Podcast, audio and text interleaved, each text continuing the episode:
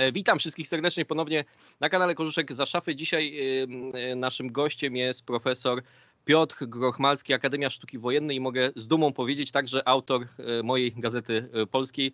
Dzień dobry, witam serdecznie panie profesorze. Nagrywamy ten filmik o godzinie 14.00 28 lutego, żeby była jasność, bo coś, coś co powiemy może się zdezaktualizować bardzo szybko. Ale panie profesorze, ja chciałem zacząć od tego, żebyśmy zaczęli od takiego poziomu podstawowego, od tego, co się dzieje E, na poziomie militarnym. E, eksperci oczywiście ostrzegają przed e, hura optymizmem, jeżeli chodzi o sukcesy armii ukraińskiej. Mm, no ale jest chyba dosyć wyraźnie zarysowany konsensus, że można ostrożnie powiedzieć przynajmniej tyle, że Rosjanom nie udało się na pewno zrealizowanie ich planów. I różne rzeczy się wymienia.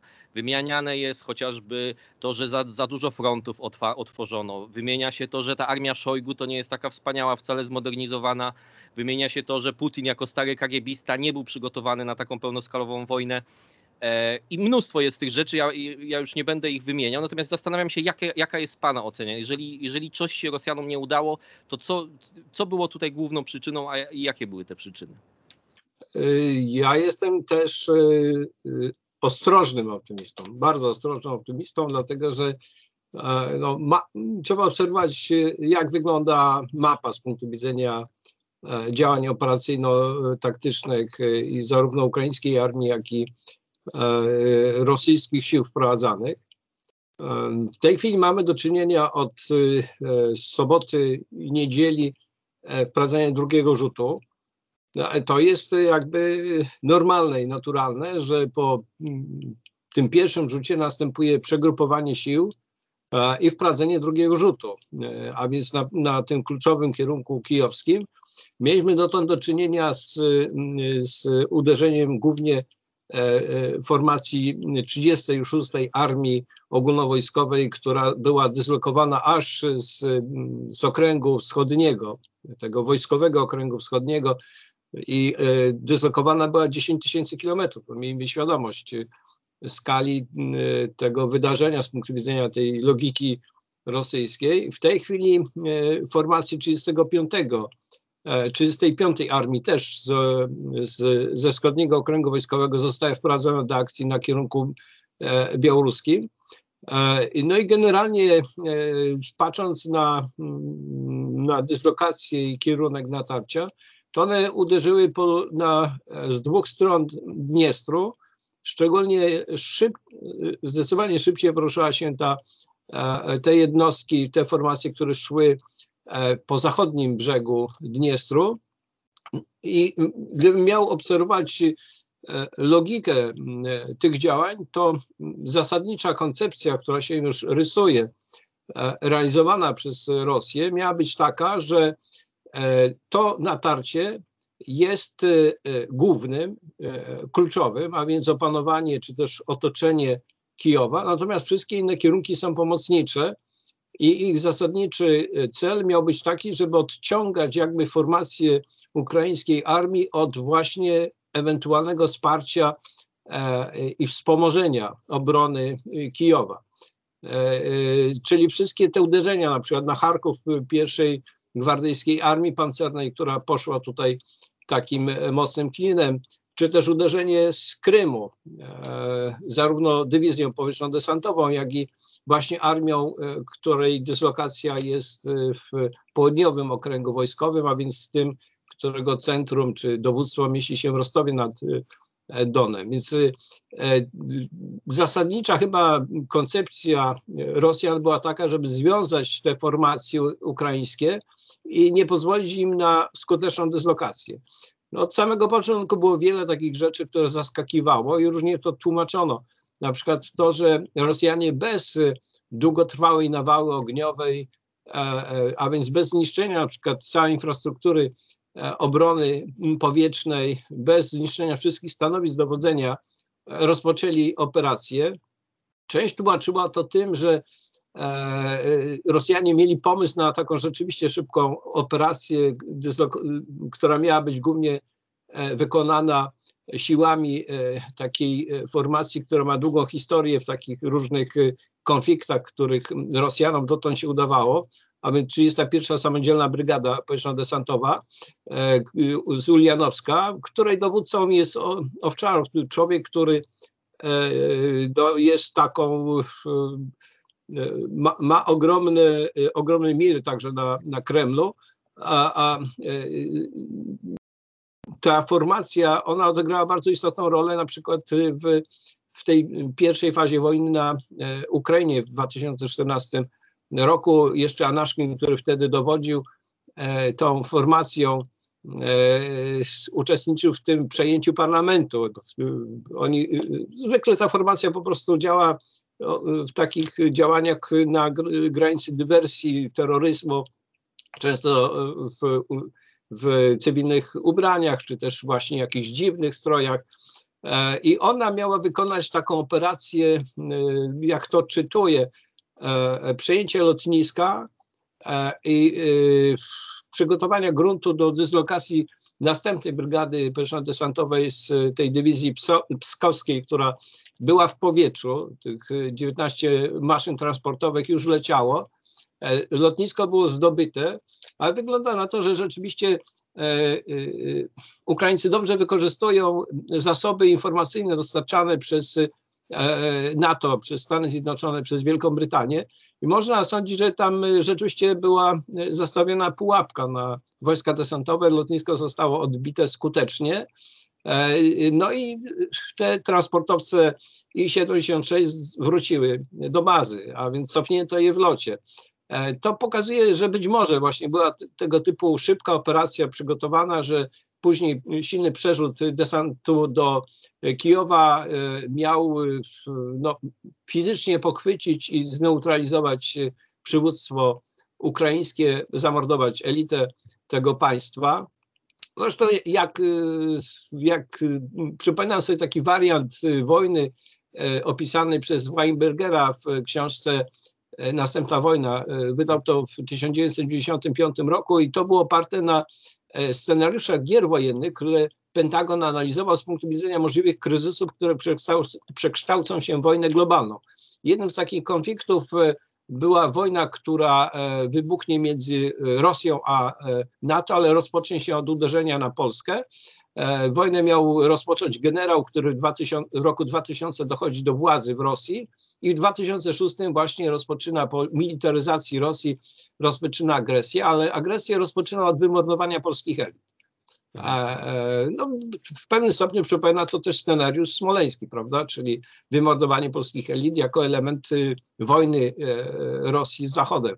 E, czy też y, w tym wypadku z Polską. I y, niewykluczone, że tego typu wariant właśnie wykonany przez służby desantowe był tym kluczem do szybkiego, spektakularnego zwycięstwa zrealizowanego w perspektywie dwóch, trzech dni, czyli wymordowany rząd, desantowana jest władza kolaboracyjna, która ogłasza jako, jakiś sojusz, być może nawet powołanie Związku Białorusi Rosji i Ukrainy, no bo Wiskułach leżących na przy granicy białorusko-polskiej, po stronie białoruskiej przecież e, w 1991 roku w, w, grudniu podpisane było to porozumienie rozwiązujące Związek Sowiecki, a niedawno obchodziliśmy okrągłą rocznicę tych wydarzeń i decyzje kluczowe, ostateczne dotyczące wojny zapadły właśnie w grudniu 2021 e, roku, a więc jakby przy okazji tej rocznicy związane z agresją. Więc tego typu wariant być może e, był rozpatrywany z punktu widzenia błyskawicznej wojny.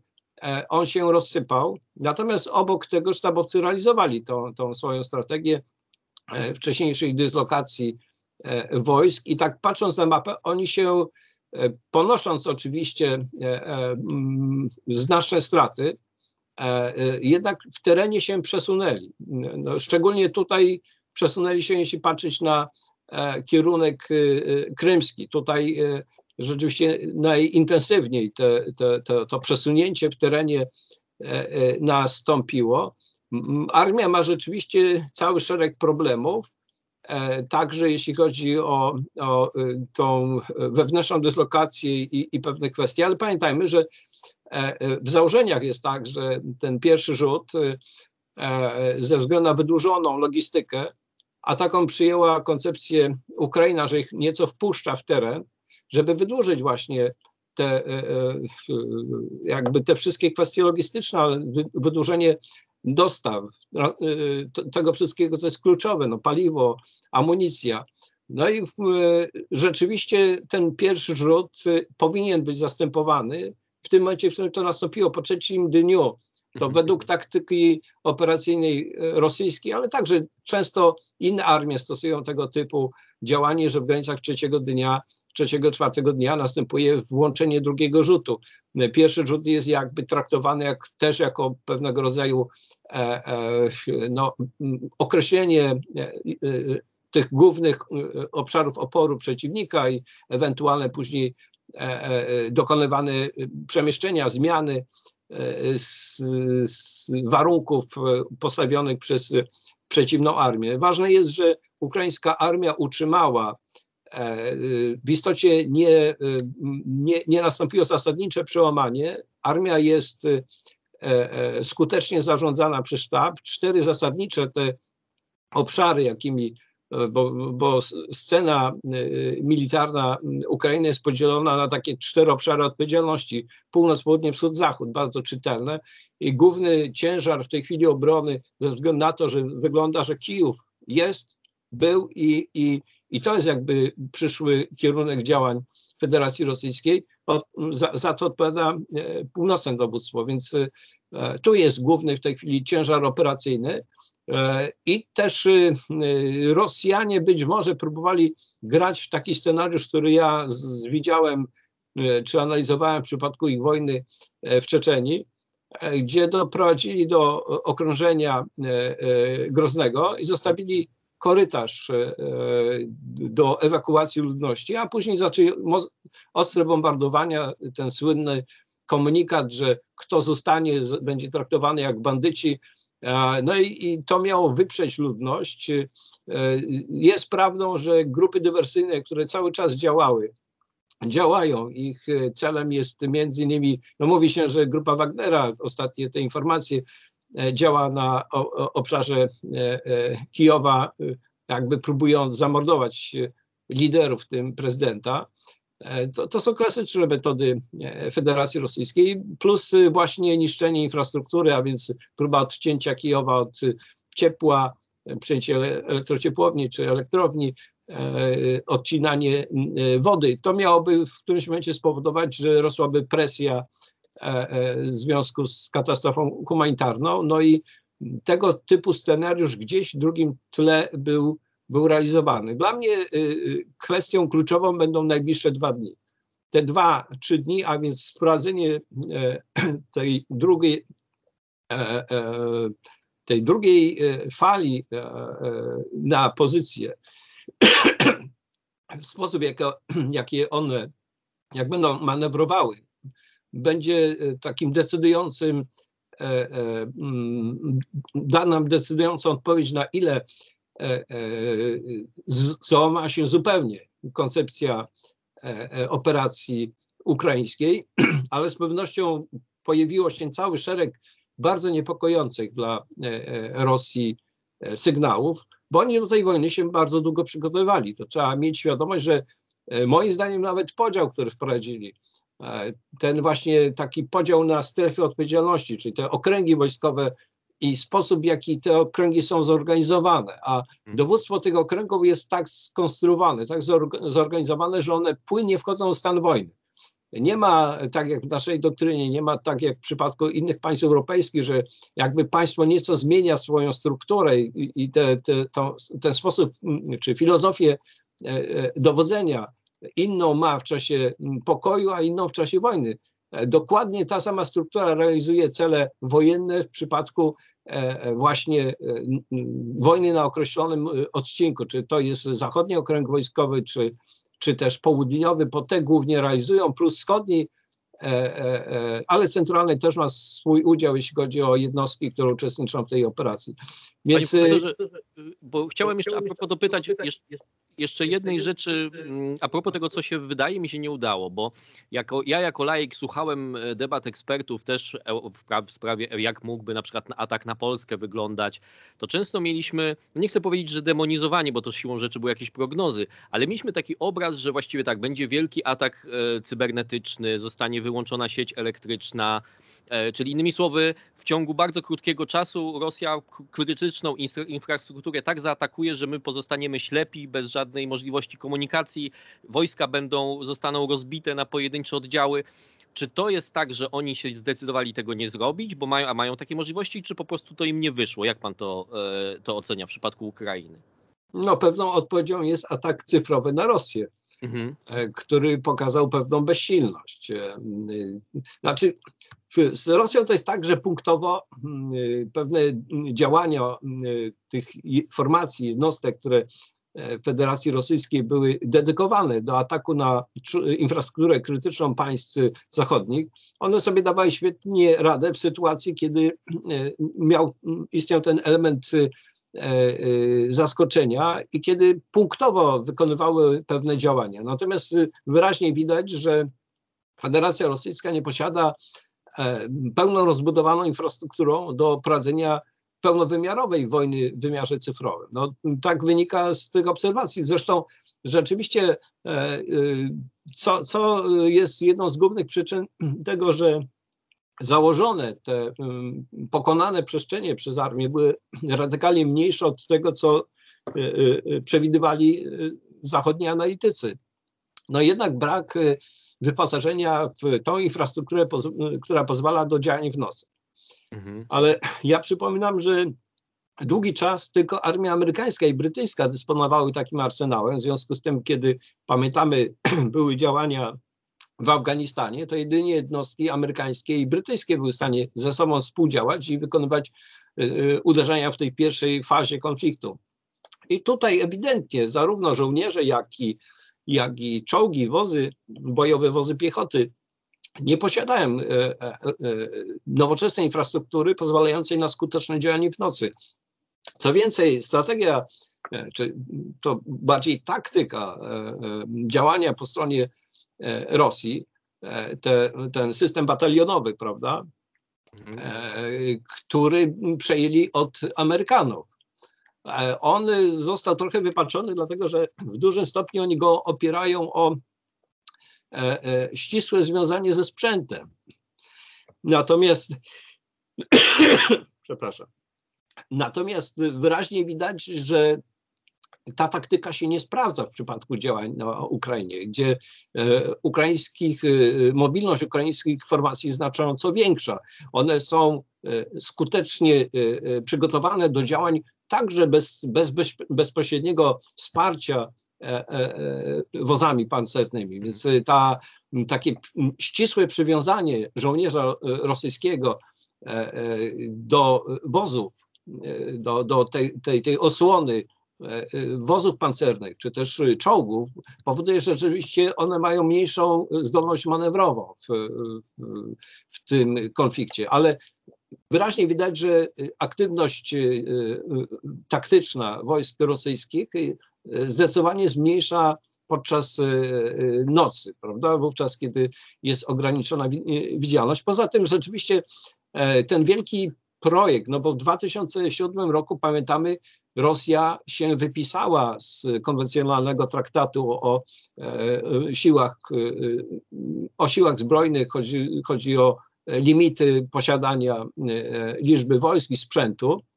Oni sobie wtedy wywalczyli pewne tam e, e, inne, inne formaty w przypadku na przykład Kaliningradu czy Kaukazu, ale generalnie musieli to przestrzegać. No, było to monitorowane. I oni w 2007 po tym słynnym wystąpieniu, pamiętamy Putina Monachium. w Monachium, i po tej wojnie cyfrowej właśnie przeciwko Estonii, gdzie raptem oni zaskoczyli wszystkich, bo wykonali uderzenie, którego świat wcześniej nie znał. A, a co w konsekwencji spowodowało, że NATO i inne państwa e, uzyskały y, duże zdolności odpowiedzi. No ja przypomnę, że e, Ukraina do końca była szkolona w tego typu odpowiedziach i też przypomnę, że przecież y, tuż przed wojną E, e, bardzo ważni amerykańscy specjaliści w dziedzinie bezpieczeństwa cyfrowego dokonali przegląd jakby infrastruktury natowskiej na wschodniej flance NATO i także dodatkowo jeszcze sprawdzenie było potencjału ukraińskiego, więc miejmy świadomość, że Ukraina jest rzeczywiście od 2010 intensywnie szkolona w formatach natowskich. To jest prawda. No, ten żołnierz ukraiński e, e, działa zupełnie, in, to jest inna armia niż w 2010 pod każdym względem. No, no i rzeczywiście to w tak praktycznym wymiarze, no to jest konfrontacja pewnej e, natowskiej sztuki wojennej, taktyczno-operacyjnych rozwiązań i rozwiązań rosyjskich. Z tym, że Rosjanie w dużym stopniu co sami przyznają, próbowali mapować na przykład doświadczenia natowskie z ostatnich konfliktów i je wchłaniać. To samo zresztą robi armia chińska. Dosłownie ćwiczono na polu, konfrontowano jednostki rosyjskie z jednostkami rosyjskimi, które grały jednostki natowskie, żeby przyjąć pewne rozwiązania taktyczno-operacyjne związane ze, z, właśnie ze standardami natowskimi. Więc y, to, po tym 2007 roku Rosjanie przyjęli ogromny projekt modernizacji armii, ale on się rozsypał, finansowo się rozsypał. Okazało się, że tych wielkich przedsięwzięć, jak na przykład y, y, zakupienie na masową skalę tysiąca czołgów, y, później było 100 czołgów, E, najnowszej generacji, że, że to są po prostu mrzonki, że to, są, to jest bardzo drogi sprzęt, w związku z tym głównie się nastawiono na modernizację dotychczasowe, dotychczasowego sprzętu, ale nie osiągnięto poziomu modernizacji, który zapewnia na przykład skuteczną obronę przed javelinami czy przed enlałami. To są to, to jest nowoczesna broń, szczególnie Enlam, no, Javelin także, to, są, to jest broń ostatniej generacji, jeśli chodzi o sprawdzenie na polu walki, przedstrzelana broń, łatwa w obsłudze i, śmiertelna w stosunku do broni pancernej Federacji Rosyjskiej. One, ta, ta broń ma skuteczność w granicach 98% oddanych strzałów i nawet y, żołnierze średnio przygotowani do obsługi tego sprzętu są w stanie skutecznie trafić i zniszczyć y, pojazd pancerny Federacji Rosyjskiej Panie profesorze, bo to, to, bardzo ciekawe, co pan mówi. Spotkałem się z taką opinią a propos tego, co pan powiedział trochę wcześniej i tego, jak ta modernizacja rosyjskiej armii się w pewnym momencie zatrzymała. I mówił pan o tym, że oblężenie Kijowa może przypominać to rozwiązania, które zostały zastosowane w Groznym. E, spotkałem się z taką opinią, że w pewnym sensie zaczęła ta armia rosyjska tą całą operację jako armia XXI wieku, ale w trakcie zweryfikowała i, i powróciła do takiej taktyki z lat 90. Czy myśli pan, że to, to rzeczywiście tak wygląda, jak się na to patrzy w tej chwili? Yy, Rosja tak naprawdę jest bardzo konserwatywna, jeśli chodzi o rozwiązania yy, yy, w, tym, w tej sztuce strategiczno-operacyjnej i jak odwołać się chociażby do Gerasimowa, który przyszedł z całą, całym pakietem e, e, rozwiązań, no to jest człowiek Szojgu, prawda? E, tuż po tym, jak Szojgu został obsadzony w tej roli, no to Gerasimow, a także ludzie z jego pokolenia zaczęli obsadzać kluczowe sektory, jeśli chodzi o bezpieczeństwo, jeśli chodzi o struktury wojskowe Federacji Rosyjskiej. Gerasimow podczas tego wystąpienia, które miało być zaprezentowaniem ocen sztabu generalnego wniosków wyciągniętych z z y, tej y, całej serii wydarzeń, y, arabska wiosna mhm. i tak dalej. On w 2012, pod koniec 2012 dostał nominację, w 2013 na początku wystąpił właśnie w Akademii Wojskowej gdzie zresztą w tej chwili jest prezesem czy przewodniczącym tej, tej, tej, tej, tej akademii i on tam przedstawił jakby sprawozdanie sztabu z oceny tych wydarzeń, ale też y, co później zostało nazwane doktryną Gerasimowa, y, niekoniecznie y, trafnie, ale to nie zmienia faktu, że Gerasimow dokonał pewnych zmian e, pod presją generalicji, a także akademików, jeśli chodzi o wypracowanie nowego, nowych rozwiązań taktyczno-operacyjnych. Ale oni tak naprawdę sięgnęli do Iwesoniego, czyli do sztuki operacyjnej z, z epoki stalinowskiej. Człowieka, który e, on się polecał publikacje e, e, właśnie czołowych dowódców Tułaczewskiego, tych wszystkich, którzy później zostali wymordowani, jako właśnie nowoczesna sztuka wojna, to, to była sztuka oparta na operacjach destabilizacji głębi strategicznej, czy uderzeń w, w głąb przestrzeni strategicznej przeciwnika i płynnego przechodzenia w stran wojny, czyli rozlokowujemy E, formację i rozpoczynamy, akcję. Nie ma stanu pośredniego. Jest, jest to operacja ciągła, czyli w zasadzie to, co oni zrobili. Przygotowali niby manewra, później e, rozwinęli się do ataku i, i uderzyli. Więc sięgają praktycznie do rozwiązań się, jeszcze tam z lat 30. sztuki operacyjnej e, Związku Sowieckiego.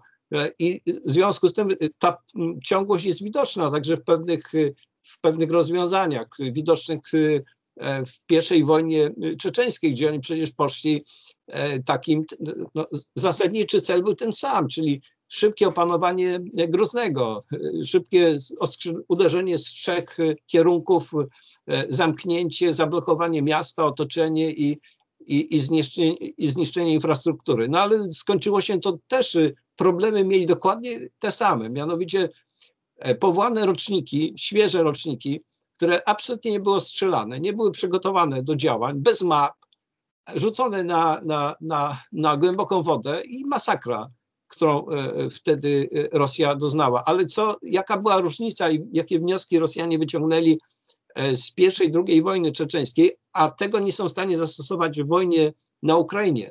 Mianowicie kluczową rolę odegrała, odegrały media.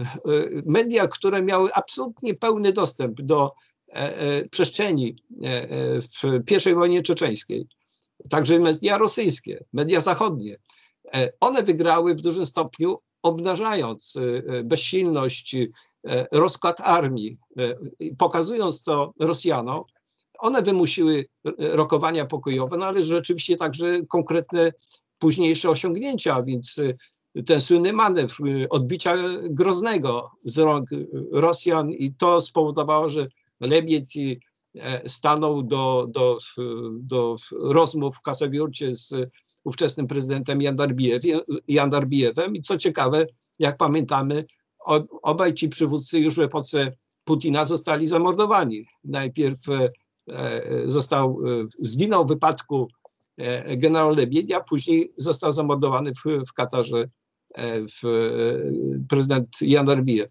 Więc... Panie profesorze, bo y, ponieważ nie mamy tak. nieograniczonej ilości czasu, to chciałem jeszcze, żebyśmy trochę powiedzieli o tej drugiej stronie. Chciałem zapytać o e, po pierwsze o Jakie są w tej chwili możliwości dalszego prowadzenia walki ukraińskiej strony, bo mówimy o, tych, e, o tym posuwaniu się tego frontu, szczególnie południowego. No jest to niebezpieczeństwo, że Rosjanie w pewnym momencie uda im się utworzyć takie kotły, na przykład, w którym zamkną tą armię z Donbasu. Czy realne jest na przykład wycofanie tej armii? I drugie pytanie, które też dotyczy tego, e, na ile realne jest utrzymanie jakiegoś takiego e, w miarę stałego e, napływu tej broni, którą już zadeklarował Zachód, na ile to jest logistycznie możliwe tak naprawdę do, do dostarczenia ukraińskim siłom i, i na ile to jest realny scenariusz. No, te kanały już są przygotowane i one są realizowane.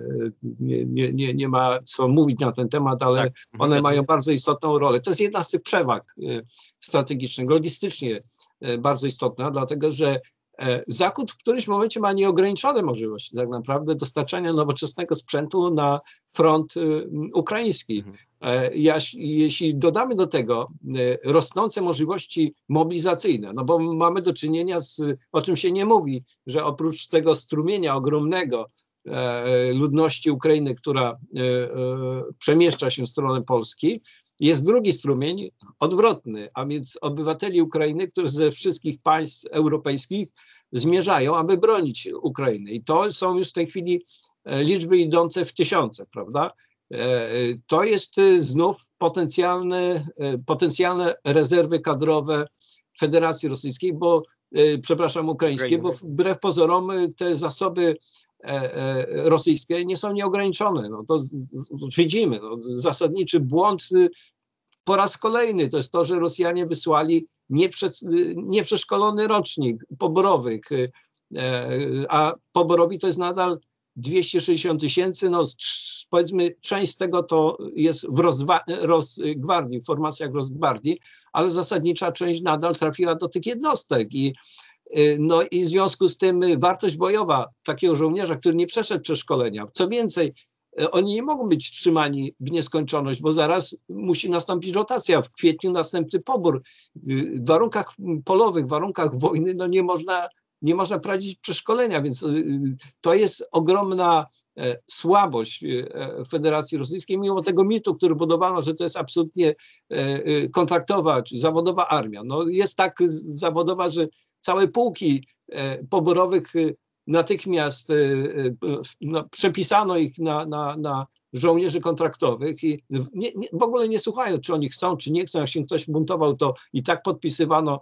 Więc ta, ta e, jakość tego żołnierza, jeśli chodzi o poborowych, jest radykalnie słaba. To są, to są żołnierze e, nieprzygotowani do działań, szczególnie w tak trudnych warunkach. Natomiast na ile to wsparcie jest możliwe i realne? No, wiemy, że transporty idą prawda, mhm. że to zasilanie... Czyli, żeby była jasność, że my nie mówimy o tym jak, natomiast rozumiem, że pan mówi, że, że to jest realne w tej chwili i, i jest do wykonania i jest wykonywane. To, tak? jest, to jest ta ogromna przewaga. Jakie przewagi ma armia ukraińska?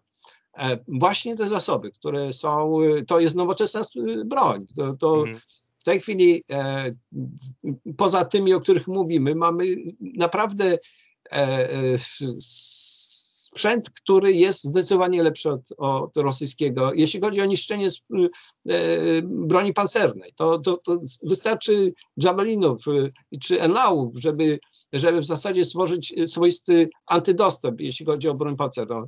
E, dwa, to jest ogromna ilość informacji wywiadowczych, które dostaje sztab ukraiński. To jest przewaga logistyczna i przewaga informacyjna ogromna.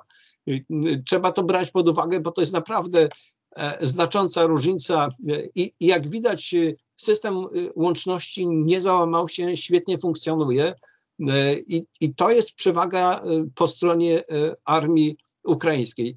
Manewrowość. No, póki co Rosja nie opanowała, nie złamała przestrzeni powietrznej, to znaczy nie zdominowała, a to by rzeczywiście zmniejszyło zdolności manewrowe armii ukraińskiej, no bo jeśli się w pełni panuje, to w można wpływać na, na, na dyslokację sił, prawda, utrudniać tą dyslokację. W momencie, w którym nadal lotnictwo działa, jest zapowiedź przecież, że lotnictwo ukraińskie dostanie kolejną partię samolotów, które będą gotowe. Wczoraj była informacja, a nie wiem, czy to jest potwierdzone, ale widziałem, że zachodni eksperci podawali, że to wręcz już, już, już się odbywało wczoraj wieczorem, to przekazywanie tak, tych, tak, tak, tych tak. 29. Tak. Prawda? No generalnie można powiedzieć tak, w pewnej perspektywie mamy do czynienia z Federacją Rosyjską, która uchromiła procesy E, e, ograniczające potencjał e, ekonomiczno-militarny mobilizacji tego państwa, a z drugiej strony NATO i państwa zachodnie mobilizują swój potencjał, który zmobilizowany jest radykalnie większy pod względem jakości i ilości.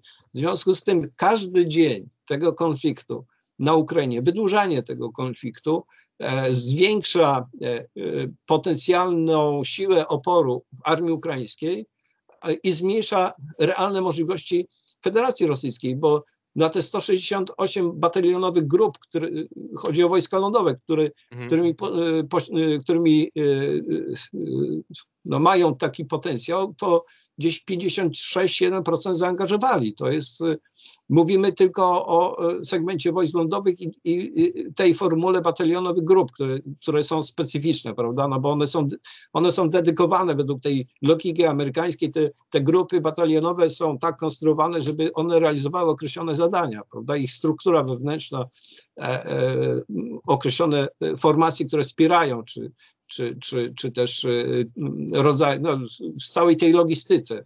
Poza tą siłą żywą y, są, y, są te rodzaje e, wojsk dedykowane do batalionowej grupy, które sprzyjają realizacji, na przykład wsparcie z wojsk oddziałów inżynieryjnych, czy, e, czy, czy też saperów, w zależności po prostu od konkretnego zadania, które na, na poziomie operacyjnym później rozdzielanym na, na poziom taktyczny są przypisywane w projekcie wojny dla poszczególnych batalionowych grup. Więc y, y, co, co jest y, naturalną przewagą? E, inna logika taktyczna, to znaczy ta, ta zdolność formacji ukraińskich do działania nie tylko w, w oparciu o wsparcie broni pancernej, przywiązanie oddziałów do takiego działania wozów pancernych, mhm.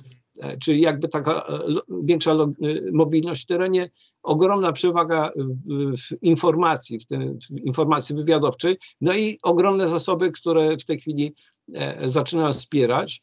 E, no a poza tym pewna mobilizacja finansowych zasobów, prawda, które mają wspierać e, Ukrainę, no i zasoby ludzkie, no bo już w tej chwili jest zapowiedź stworzenia tej brygady międzynarodowej, która otwiera możliwość dodatkowych tysięcy E, e, żołnierzy z, czy, czy, czy, ochotników z różnych. E, ludzi z doświadczeniem militarnym wcześniejszym. Ludzi z doświadczeniem militarnym, tak, no ale pamiętajmy, że przecież Ukraińcy mieszkają w Stanach Zjednoczonych, Ukraińcy mieszkają w Szwajcarii, w Kanadzie, Włoszech, w Francji. Oczywiście, więc to jest, sam Putin powiedział, 6 milionów Ukraińców jest w tej chwili na emigracji i rzeczywiście ten strumień Ukraińców wracających, aby bronić Ukrainy, to jest w tej chwili e, taki dowód na pojawienie się bardzo e, istotnego czynniku, e, czynnika, bo w wymiarze moralnym ta wojna już jest wygrana przez Ukrainę.